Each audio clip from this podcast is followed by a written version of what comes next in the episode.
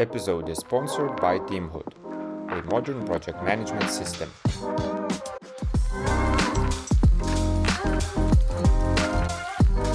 I think we can get started. And uh, first of all, Gustav, thanks for being here with us on the Agile Couch. That's the name of our podcast series, or in Lithuanian, it's Antagile Sophos. It's similar, sounds similar on the Agile Couch or on the Agile Sofa. Uh, but it's, re- it's really nice to have you. I've been just in, in your, uh, uh, if I can call it a session about democracy, what is important in it, and what are the key principles of democracy. Uh, it was really interesting. You mentioned three things, if not mistaken. Yes, exactly. So one is autonomy, transparency, and uh, yeah, that's a the, bit the most complicated. complicated word. Yeah. Uh, I wonder how you see, as you're an agile coach by yourself, I wonder how do you see democracy as a main, not as a main, but as a principle or as a mindset uh, to have it working in teams, in organizations? What are the key, firstly, what are the key things that helps out while having democracy? And then what are the challenges if we have a democracy? Maybe there is sometimes that you can think of. Maybe to start with the, what is Yes. the benefits of how you see it? Also, the, the benefits of democracy. Um, that's basically pretty simple because what we have is that when you have a problem, it always makes more sense if you get all the perspectives on a certain topic Mhm. because then you have a, can have a more informed decision. And the thing is that it was also was I talking in my or what I was saying in my talk is that you cannot just rely on experts. What often happen happens that you just ask the experts and they will tell you what you have to do because we are in a complex environment in a society and you an expert can never have the complete knowledge about what's going on. There's in Daniel Kahneman uh, this example Mhm. that uh, he uses that um, ski accidents, so accidents by skiing, and the statistics have a very good um, uh, understanding of the numbers and they Mhm. know how risk, risky stuff is. But the people who are actually on, on the mountains, they have a much better understanding in terms of who is actually um, addressed by those accidents. So who are like the, the, the people who skis faster are more likely to have an accident. And this is common sense, of course, Of but on, course. in the counts, in the numbers, you don't see that. So the thing is, if you have all the perspectives and you get the quantitative, the qualitative, the, the from the experts, from the different levels in the society or in an organization. So if you're like uh, cross-functional teams, Mhm. if you get uh, insight from an UX designer, from a developer, from the operations, in the end, the product you will create will be much more valuable and um, aligned to the user needs. So the perspectives are different, where we can see in order to take the best decision, uh, Yes. but not just to you know go fast by someone, the king with the crown who takes all the leads. Exactly. And what happens is that when you put the people together, that something emerges, that people get an, un- shared understanding, and then something new gets created, which was not visible by any of the people on themselves. So I think that is also where a bit the magic happens, and why democracy is very important. Do you know what are the simple, simple, easy to use uh, tools? Um, I know some of them uh, that that could empower democracy. Let's say within some kind of the system. Is it a team or is it a group, bigger group? What are the simple tools to use? Not forget that hey, we need to be democratic. As it's helpful. It's it's a mindset. So what are the simple things that we could do? when you start in your current situation and you want to be democratic, um, I think the first thing is listening. At least that what I'm doing is when I'm going into new teams, I don't judge them because I often come and see, okay, oh, there's the boss who decides everything, and oh, oh, it's not democratic. But that's actually not the thing. And it's um, when I when I tell in hierarchy in hierarchy companies that democracy is not about no hierarchy. It's about that people decide together, and if hierarchy makes sense, then Mhm. hierarchy makes sense, and then a boss can decide what is going on. But the thing is that actually every person is heard, and when he thinks that the hierarchy doesn't make sense or that the boss makes a wrong decision, that this is um, feedbacked into the system, and the people can, uh, the, fit, the system can react on it. So I think the most important thing is actually to listen, to listen to everyone. Listen to everyone or create a space where everyone could speak up. In other words, and creating the hand. psychological safety, of course, Yeah. because that's the next point. Because if you if people can speak up but they don't do, which often happens, especially in hierarchical companies. Yeah, we might listen for others, but I mean, ask questions. The CTO might say or Yeah, CEO, but no one will see any any questions. Okay, Yeah. that's a fair point. Uh, what about the challenges? Uh, I'm curious if, if you've seen from your perspective, or what what it is that you would see as a challenging part while having democracy as a mindset. Do you see any of these? Um, in practice, when when Yeah. companies try to Yeah. go into democracy. Um, Or if I could share one, uh, and I want to check on your opinion. yes. I had I had three already. Okay, please share them. okay. Um, the first thing is that what um, there's no real commitment from the from the C level, so from the CEO or whoever leads the company, and from the investors, like Mhm. in reinventing organization. I think it bring, brings it valid on the point that it says those two people, those po- Mhm. two roles need to be behind the change, because otherwise it gets blocked yeah, at a certain level, and it's, uh, yeah, it leads to a lot of frustration. Okay. Um, C level is not yeah, the, the leader of a system, whoever it is, whoever controls the system at the moment, has not uh, yet understood or buy in Yes. the idea of it. Exactly. If the if and that even works for big companies. So when they start to really believe and understanding agile democracy, whatever, and they say, okay, we want to go there, then it will go there over time. It takes some time because you know people are used to. We I had this term with um, institutions, so they are used to a certain behavior. They they are still doing as they are always doing, and the change to behave differently Mhm. takes some time. That's naturally, especially when you're not used to change. So um, but it, it changed and it can actually be very fast. Ex- I have also um, examples in mind with thousand people where they had a big change within one year. So they from a very traditional company to a pretty agile Okay. Wow. year, yeah. That's a huge difference, uh, step forward. I mean, yeah yeah that- that- within the amount of the of the, the size of the company. To. Exactly.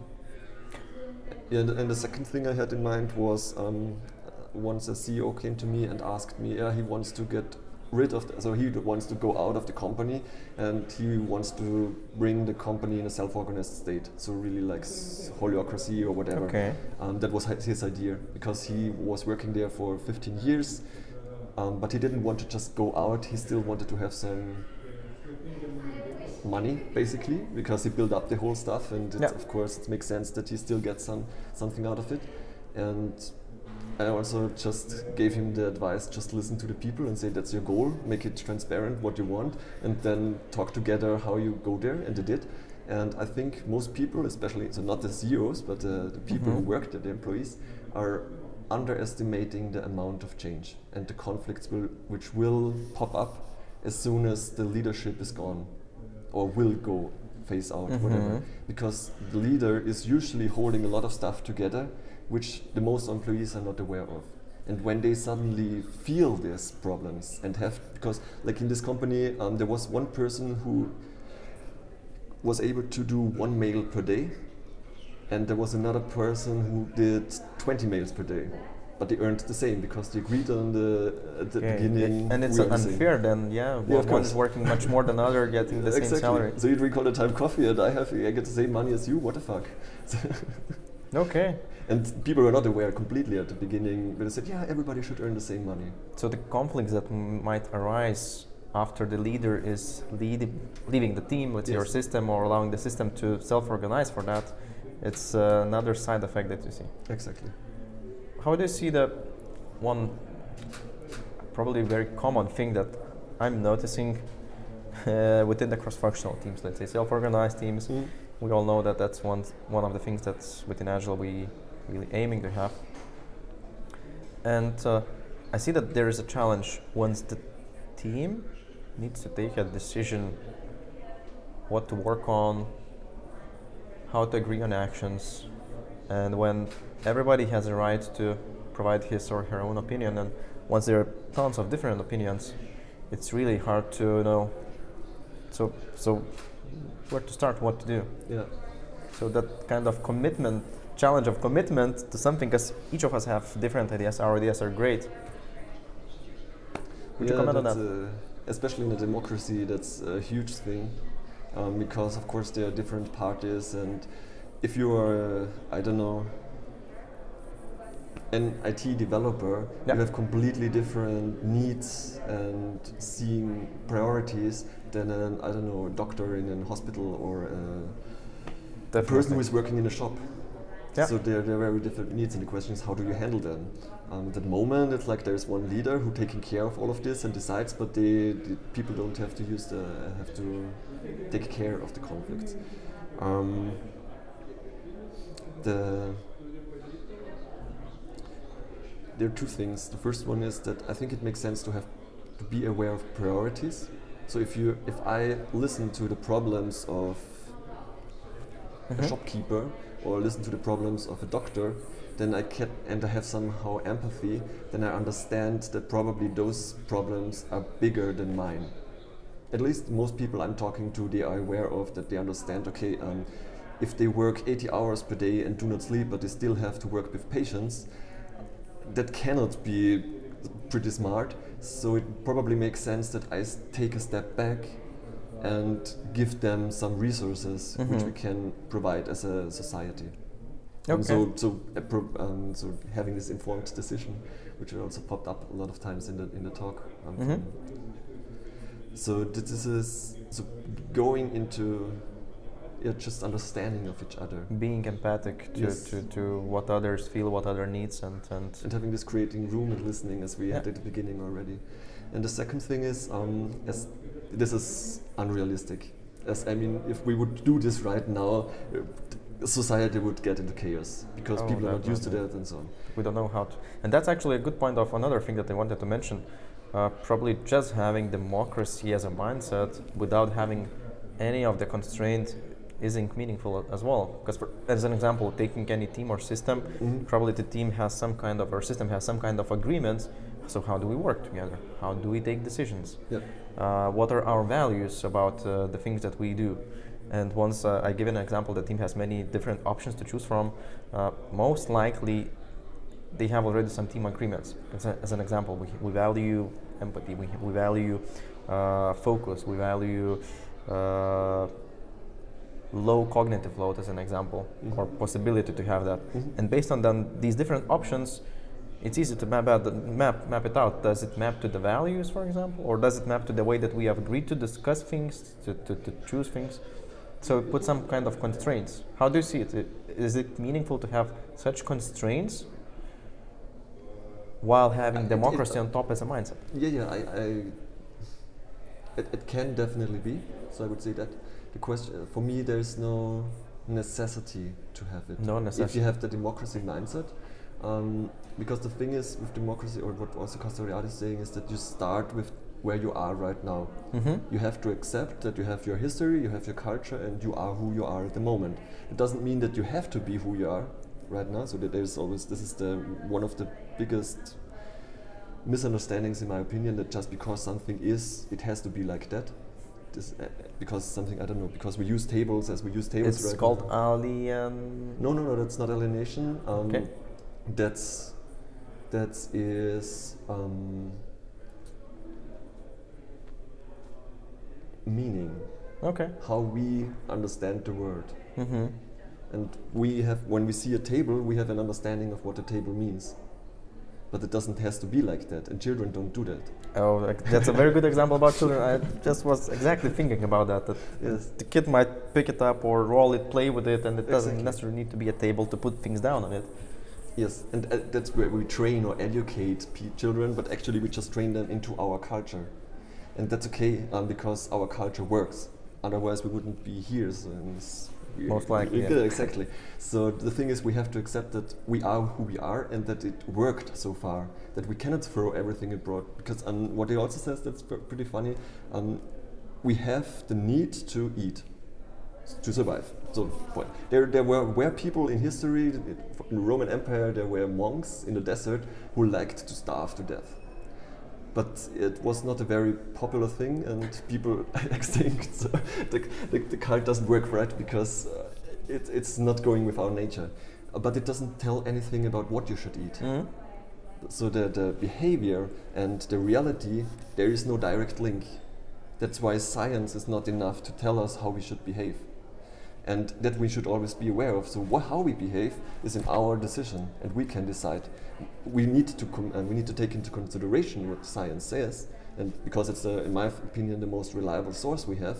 But it's not the one thing. Yeah. So we, there's always a distinction. Um, and what was the question? I was asking, like, uh, within, is it good to have democracy and constraints? But I think you, you you answered that it's not necessary. It depends on the situation, and yes. Uh, it might be that we have just democracy, and if we accept who we are, what we have, what we know already, Exactly. we might work on towards uh, the future with the mindset of democracy. What's the next best step? Yeah. That's the, that's the question I always ask. What's the next best step to make it smarter, uh, to make it better?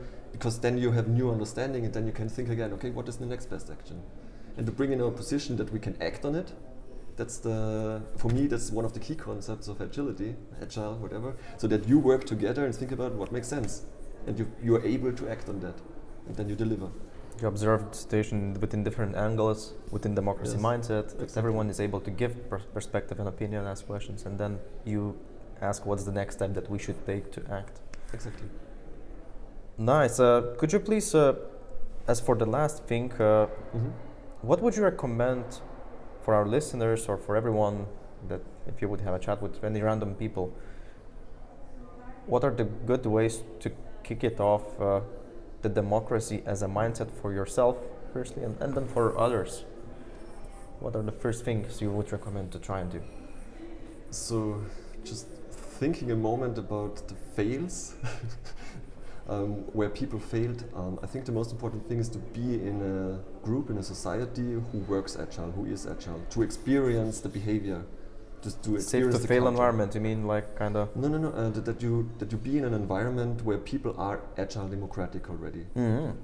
because when you see how people behave you know you can read a book or you can listen youtube talks or whatever and th- that's nice that helps you but it's com- it's, it's this, this thing in between which you don't get uh, explicit but you just see it and when you're there then you learn it immediately. So it's, it's mm, yeah that's that's the thing. Be in an environment where you To find an environment that find is an environment. already and exactly. try to be part of it. so even when you like when you want to transform your company to a democratic company, the best thing I guess is to either bring people from outside in who are, have already this mindset, or to send people out to, to see how does it look like if we want to be, be in an agile environment for one year, come back, and then support us in transforming the organis- the system.